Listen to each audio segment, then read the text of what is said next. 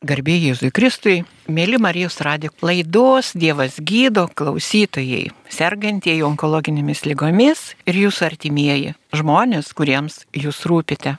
Kiekviena sunki situacija keičia gyvenimą, keičia mus pačius ir mūsų santykius su kitais žmonėmis, brandina, augina, mus dvasiškai arba praradusius viltį ir tikėjimą paslepia tamsoje. Vėžio lygoje reikia daug šviesos, daug vilties, tikėjimo ir drąsos. Šiandien vėl esame Klaipėdo Švento Pranciškaus Asižiečio vienuolynė ir susitinkame vėl su broliu Benediktu Jurčiu, ilgamečiu vilties įkvėpėjų ir drąsintojų. Kiekvieną rytą per radio gamą brolis Benediktas linki visiems geros dienos ir laimina klaipidiečius bei visos Lietuvos gyventojus. Broli Benediktai, po jūsų lygos diagnozės jau praėjo pusę metų, truputėlį daugiau. Tikriausiai tas laikas davė vėl kažkokių naujų minčių, apmastyti tą situaciją, gyvenimą, stiprinti viltį. Tai labai norėtųsi vėl, kad šiandien su Marijos radio klausytojais pasidalintumėt savo naujomis mintimis ir išvalgomis, kaip gyventi su šitą lygą. Garbėzu Kristui, mėly Marijos radio klausytojai, jūs sveikiname iš labai šiltos, jaukios, tikrai jums nekonkurencingos studijos, Vilties miesto radio gama studijos. Ir žinote, labai Miela man prisipažinti, kad praėjusiais metais aš buvau vienas iš 1600 žmonių Lietuvoje, kuris išgirdo reiškia starosios žarnos vėžio diagnozę. Reiškia, kad kasmet Lietuvoje 1600 žmonių. Ir dėja turiu pranešti vėl tokią nemalonę žinę, kad nuo šios lygos labai daug mirštama. Ne tik Lietuvoje, bet ir visame pasaulyje. O tai aš esu laimingas ir turiu labai daug minčių ir tikrai turiu labai daug noro perteikti tai, ką aš išgyvenau. Aldutė, tu pati jau tris kartus ten tą vėžį nudūriai, gydėsi aš vieną kartą, bet esmė ta pati, kad tas, kuris išgirsta, kad turi onkologinę lygą, jau tas žmogus po to žinios tikrai yra kitas, kitoks yra. Ir aš jaučiu, kad aš netgi savo bendruomenėje tarp pranciškonų jau esu kitoks. Nes aš turiu ypatingą patirtį, nes tokių excellent, reiškia, gydytojų pagalba įveikiau lygą. Jis bet kada gali atsinaujinti. Taip žinoma. Pat aš esu vis tiek rizikos lygmenyje, todėl man tenka daugiau savim pasirūpinti, nes kiti, kaip mes matome, nelabai rūpinasi. O kaip suprasti tą savimi pasirūpinti? Čia aš jau girdžiu tų klausytojų klausimą. O kaip rūpinti savimi? Jo, čia yra labai svarbu. Žinot, aš sugalvojau netgi tokį terminą, apmastęs labai, nes Evangelijos arba Jėzaus mokymo širdis, ar ne, širdis yra mes taip jos vadiname dar tradiciškai Kristaus kalno pamokslas arba palaiminimai. Nors dabar jau mūsų vertėjai linkia vartoti kitą žodį, ne palaiminti, o laimingi. Ir aš tikrai norėčiau pasakyti, kad laimingi liūdintis, turiu omenyje išgirdusiai šią diagnozę, jie bus pagosti. Bet, o tas yra bet, kaip čia dabar ir kieno bus pagosti. Ir aš noriu pasakyti, kad bus pagosti Dievo.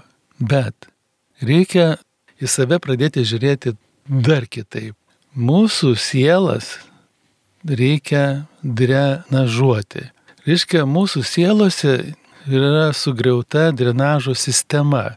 Ir kas tada yra, jeigu ta sistema sugriauta, žmogus neverkia, Ir aš esu pamatęs jau per savo gyvenimą ir sakau tai iš savo patirties. Yra tokių kietų vyrų, ar ne, arba tokių kietų moterų, kurios ne už ką neverks, nepravirks.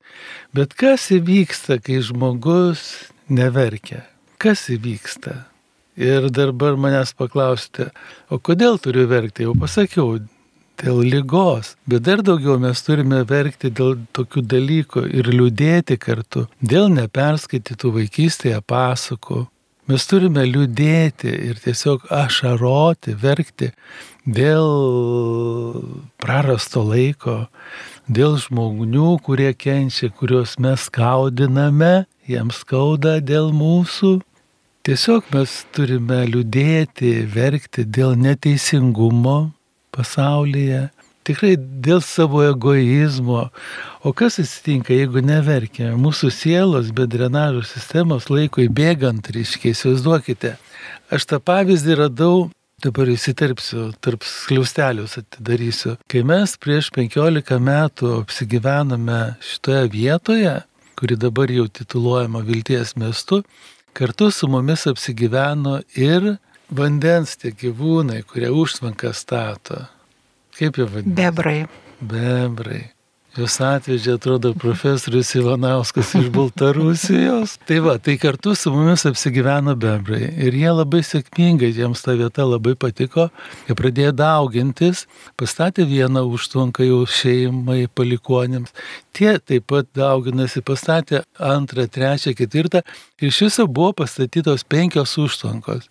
Reiškia, vanduo pakylo Ir tie beržai, kuriais aš džiaugiausi, tiesiog kasdien pavasarį nueidavau ir apkabindavau, labai gražus beržai.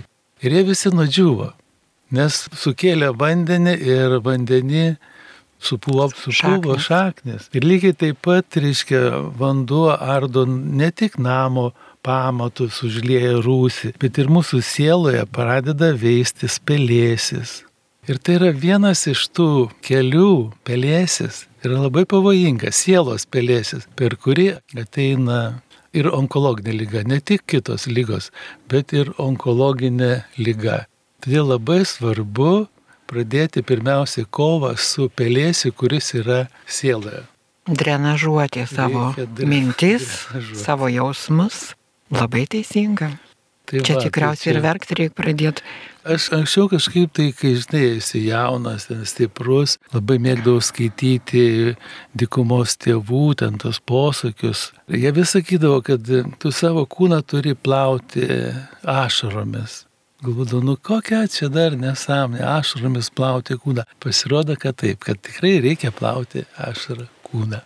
Kūną reikia plauti ašaromis. Tai tiek aš tau norėjau šį kartą pasakyti. laimingosius. Laimingi, laimingi tie, kurie liūdi, kurie verkia. O šiaip kita mintis, kurią norėčiau irgi perteikti kaip naują tokią, kad vis tiek mes turime save disciplinuoti ir galbūt naujai performuoti tiesiog gyvenimo struktūrą. Ir aš linkėčiau iš tikrųjų reaguoti į tai, kad mes esame gamtos vaikai ir kad mes turime tikrai gyventi arčiau gamtos. Labai paprastas dalykas. Anksčiau nueiti poilsiui, atsigulti ir anksčiau kartu su Saulė pabusti, pakilti. Nes ypatingai, reiškia, nakties metu, dar iki 12, organizmas, reiškia, atsistato. Atsistato tos lastelės, kurios žuvo dienos metu. Mes turime jau organizmui padėti netgi savo, savo dienotvarkę. Keisdami dienotvarkę mes padedame kūnui. Ne vien tik tai papildais kokiais, bet ir tiesiog taip. Ir pirmin, cikliai. Kiekvieną dieną brolis Benediktas vaikščioja prie jūros. penktą valandą iš ryto pakilame ir atliekame švaros ritualus ir po to pradame galvoti apie kūną, ne? Taip toliau. To meditacijos ir taip toliau. Esate sakęs, kad reikia paruošti sielą vidiniams išgyvenimams. Ką tai reiškia? Labai svarbu, kai išgirsti tokią diagnozę, nu ką, tu jau, kaip mes ir kitiems sakydavome ir patys pajutome, tu iš tikrųjų pradedi kristi į tą šulinį, ar ne? Yra viskas, sukrenti. Turi būti viltis, bet viltis tokia stipri, tokia stipri, kad tu turi tikėti, kad vis dėlto tavi yra tas taškas, tas Archimedo taškas, į kurį tu gali atsiremti ir įveikti lygą, bet kokiu tikslu. O šitas, reiškia, jau kalbam apie vidinį išgyvenimą, apie tos mūsų dalykus. Jeigu tu vien galvosi, kad prates savo biologinį gyvenimą, aš galvoju, kad rezultatai visada bus prasti. Nes ir mes patys žinome tokie prisinikai, kai kurie iš mūsiškių piligrimų, vilties piligrimų nekartai yra pasakę, išgirdę diagnozę, o kad Dievas man duotų bent penkis metus, bent penkis metus. Ir praeina penki metai ir tas žmogus miršta. Ir aš čia norėčiau pasakyti, kad mes jokiais būdais negalime apriboti Dievo dosnumo. Dievas tikrai yra daug dosnesnis, tu net nesuvokė, koks Dievas yra dosnus. Todėl negalim savęs apriboti ir negalime galvoti vien tik tai apie biologinį gyvenimą. O dar penki metai ir aš tada matysiu, kaip mano vaikai, reiškia, vat, gaus kažkokius tai diplomas, o matysiu, reiškia, vestuves. Negalime apriboti Dievo dosnumo. Dievo gailestingumo. Nepri, nepribokime, taip, tos ribos negalima. Tokie dalykai. Ir dėl to kartoju ir dabar visiems kartoju, kad imkitės vilties. Su tokia viltimi mes turime gyventi. Ir dabar man kažkaip iš tikrųjų, na, aš per tą laiką, per tą pusmetį ir pats jau išlydėjau labai, labai nemažą kiekį žmonių į Anapilį, į Dievo tėvo namelius kuriems dar kalbėjau prieš mirtį, bet kas iš to jau buvo po viskam, ar ne? Todėl tiesiog prašau, išgirdote diagnozę, iš karto susiraskite savo tinkamą kunigą, ypatingai kunigą, kuris taip pat jau išgyveno onkologiją. Aš nesu tas vienas, kuris čia taip Bernardinų platformą svetainę pakalbėjau apie tai. Aš galvoju, kad yra daugiau kunigų, tik tai jie tyli, bet gal parapiečiai žino. Vienu žodžiu, kunigai taip pat pabuskite, tie, kurie jau išgyvenote onkologinę lygą. Būkite atviri savo bendruomeniai, parapiečiams, jūs tikrai turite ką jam pasakyti. Iš tiesų labai svarbi ta dvasinė pagalba lygoje ir tas žmogaus įėjimas arčiau Dievo. Labai svarbu. Bet žmonės vat, klausia, kaip tą padaryti, nes aš einu į bažnyčią, aš atlieku išpažinti, aš priemiau ten komuniją, aš gavau ligonių patepimą, bet va, to ryšio, to santykių su Dievu, per ką ieškoti, kokias maldas kalbėti, nu ką konkrečiai, kaip tarsi kažkokius veiksmus kaip tabletės išgerti ir visa kita. Praėjusį ir tas religingumo ir tikėjimo santykis čia svarbus. Praėjusį sekmadienį aš pamokslavau palangoje ir žmonėms pasakiau pamokslą tris pamokslus ir viename iš jų paminėjau tokį anegdotą, kai vyrukas ateina pas jau labai pažįstamą garbų gydytoją profesorių ir klausia, kodėl taip yra. Aš kasdien geriu medicininį spiritą, kasdien valgau daktarišką dešrą, o mano sveikata eina vis prastin ir prastin. Lygiai tą patį aš galiu pasakyti ir žmonėm, kurie sekmadieniais ateina į bažnyčią, kurie atsilieka išpažinti, bet sveikata eina prastin ir prastin. Neužtenka ateiti į bažnyčią sekmadienį. Gal kartais geriau yra neiti sekmadienį bažnyčią, bet pagalvoti apie savo žmogiškumą. Dar tu turi laiko kažką tai gero padaryti. Ir tai išpažintis, aš jau kaip kunigas, aš jau galiu viešai tai sakyti. Nu neužtenka pasakyti, kad ten močiutė ateina, kurie 80 metų ir sako, aš neklausiau savo mamytės, ar ne, kuri jau senai palaidota. Nu, ne apie tai. Ir mišios yra ne apie tai, kad padėti kryžiuką, kad kunigas matytų, jog aš dalyvavau mišiuose ar atsilikau Velykinę išpažinti. Čia yra daug daugiau. Taigi mišęs ateini tam, kad vėl suvoktum savo tapatybę, savo ID, o mano ID kas yra? Iškia, aš esu žemės druska. Ir jeigu aš esu tikrai žemės druska, plink mane jokios korupcijos nėra, viskas yra tyra, šventa, švaru. Aš negaliu būti druska maišelėje padėta saugoti į šaldytuvą. Aš turiu būti veiklus ir mano meilė turi būti įveiklinta, tai turi būti veikli. Lygiai tas pats apie kitas identiteto taškas yra. Kristus sako, tu pasaulio šviesa. Gi visi mes, katalikai, ypatingai Lietuvos katalikai, atsidūrę tunelio viduje, laukiame šviesos tunelio gale kada jinai pasirodys, užmiršę visai apie tai, kad mes esame pasaulio šviesa. Apie kokią tamsą mes kalbam? Gi mūsų misija yra. O trečias dalykas - dalyvavimas mišiuose yra duona. Tu turi tapti duona, Eucharistinė duona. Išeini iš bažnyčios ir tu turi save laužyti. Tai yra, tu neėjai pas kaiminę 20 metų, tu nepasteiravai, kaip jinai gyvena, kokia jos sveikata. Tu neėjai, tu perlaužk dabar save kaip duona, nuneš savo dalelytę gyvenimo. Jei. Suprantat, ir kada pradedi save laužyti, kas įvyksta? Iš tikrųjų vyksta kosminiai reiškiniai. Pro tą plyšį tavo patenka šviesa, kaip Koheno dainoje, ar ne? Būtent jeigu nebūtų to plyšio, ta dieviškoji kosminė šviesa nepatektų į tave. Tai va, druska, šviesa, duona, tai yra tos trys vienis prikaltos prie kryžiaus. Ir tada ateina prisikelimas ir vėl grįžtant prie vėžio, prevencijos, visada žinokite, kad aš tikrai jums noriu tiesiog įkalti dar vieną vinį, nes vieni sako, kad Jėzus buvo prikaltas trim vinim, aš galiu pasakyti gal keturiom. Ir ta ketvirtoji vinis kiekvienam iš mūsų yra, kad prisikelimas įvyksta dabar. Vienoje iš apokrifinių evangelijų, Pilypo Evangelija pagal Pilypą yra pasakyta, jeigu tu galvoji, kad prisikelsi po kūno mirties, tu niekada nebeprisikelsi. Prisikelti tu turi dabar. dabar. Tu dabar turi gyventi pilną kraują gyvenimą, pilną vertį žmogaus gyvenimą, žmogaus. Ir save tu turi suvokti, kad tu esi žmogus Ir tik tai tada į tave įsikūnė Dievo žodis, kuris gydo. Bet kol mes dar bežioniaujame, kol esame dar kaip žvėris, pilni smurto, ir smurto yra daug, smurtas nebūtinai jau, kad ten Ukrainoje karas,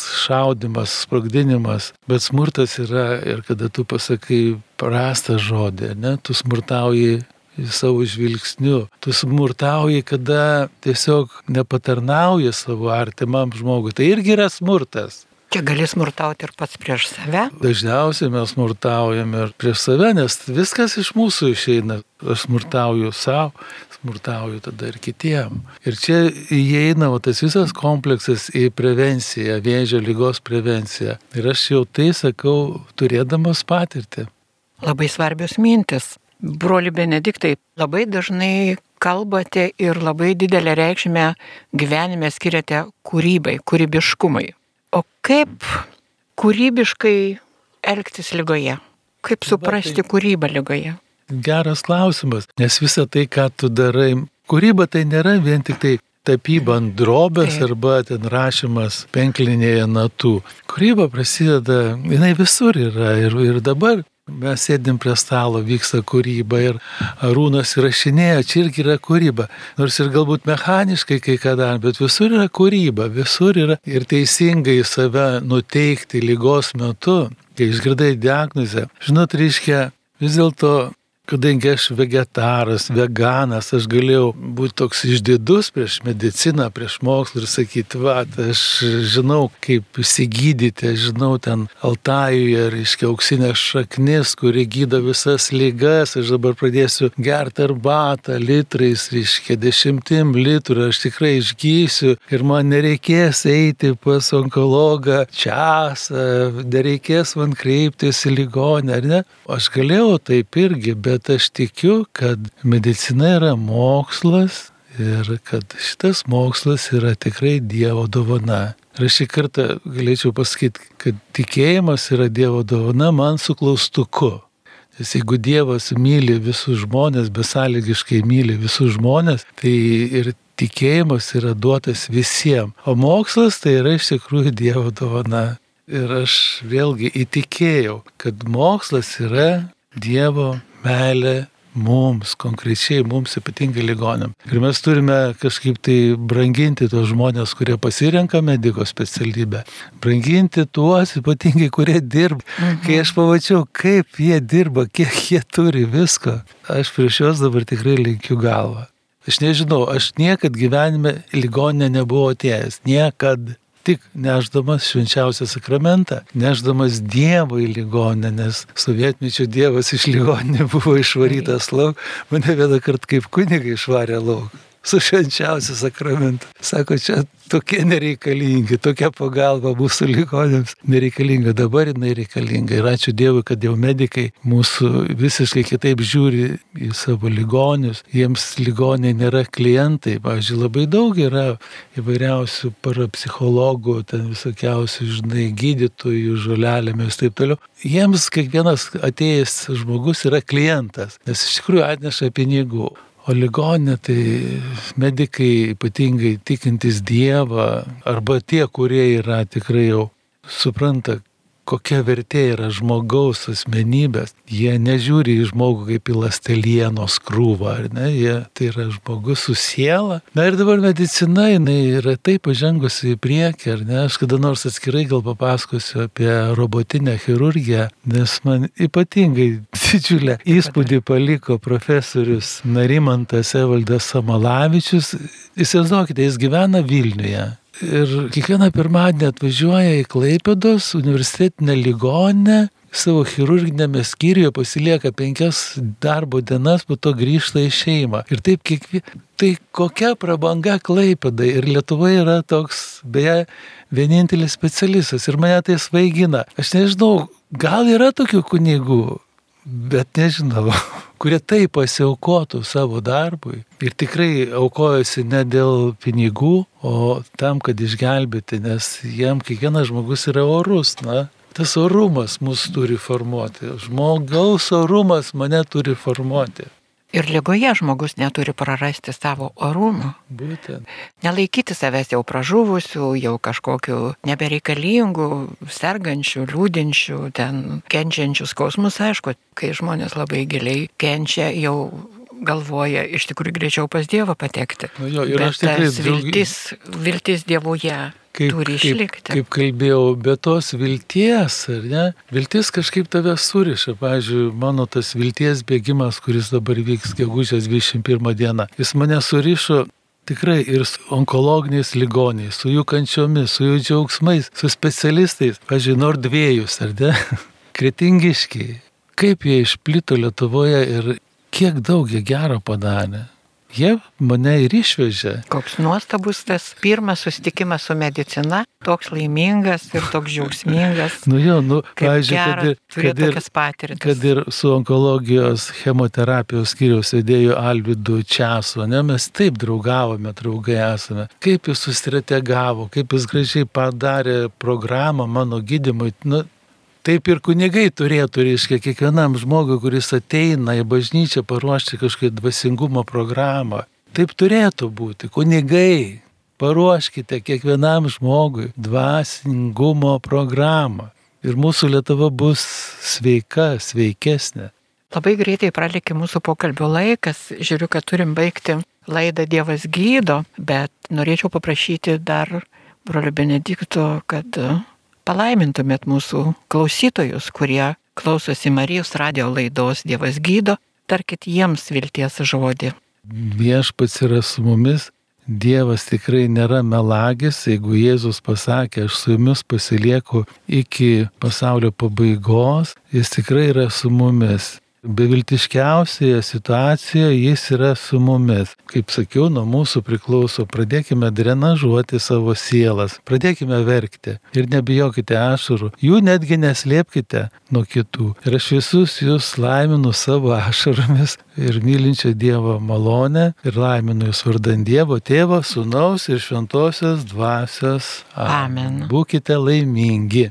Su jumis buvo brolis Benediktas Jurčys ir aš Aldona Kerpytė, Švento Pranciškaus onkologijos centro vadovė. Su Dievu, iki Su Dievu. kitų susitikimų. Iki kitų kartų.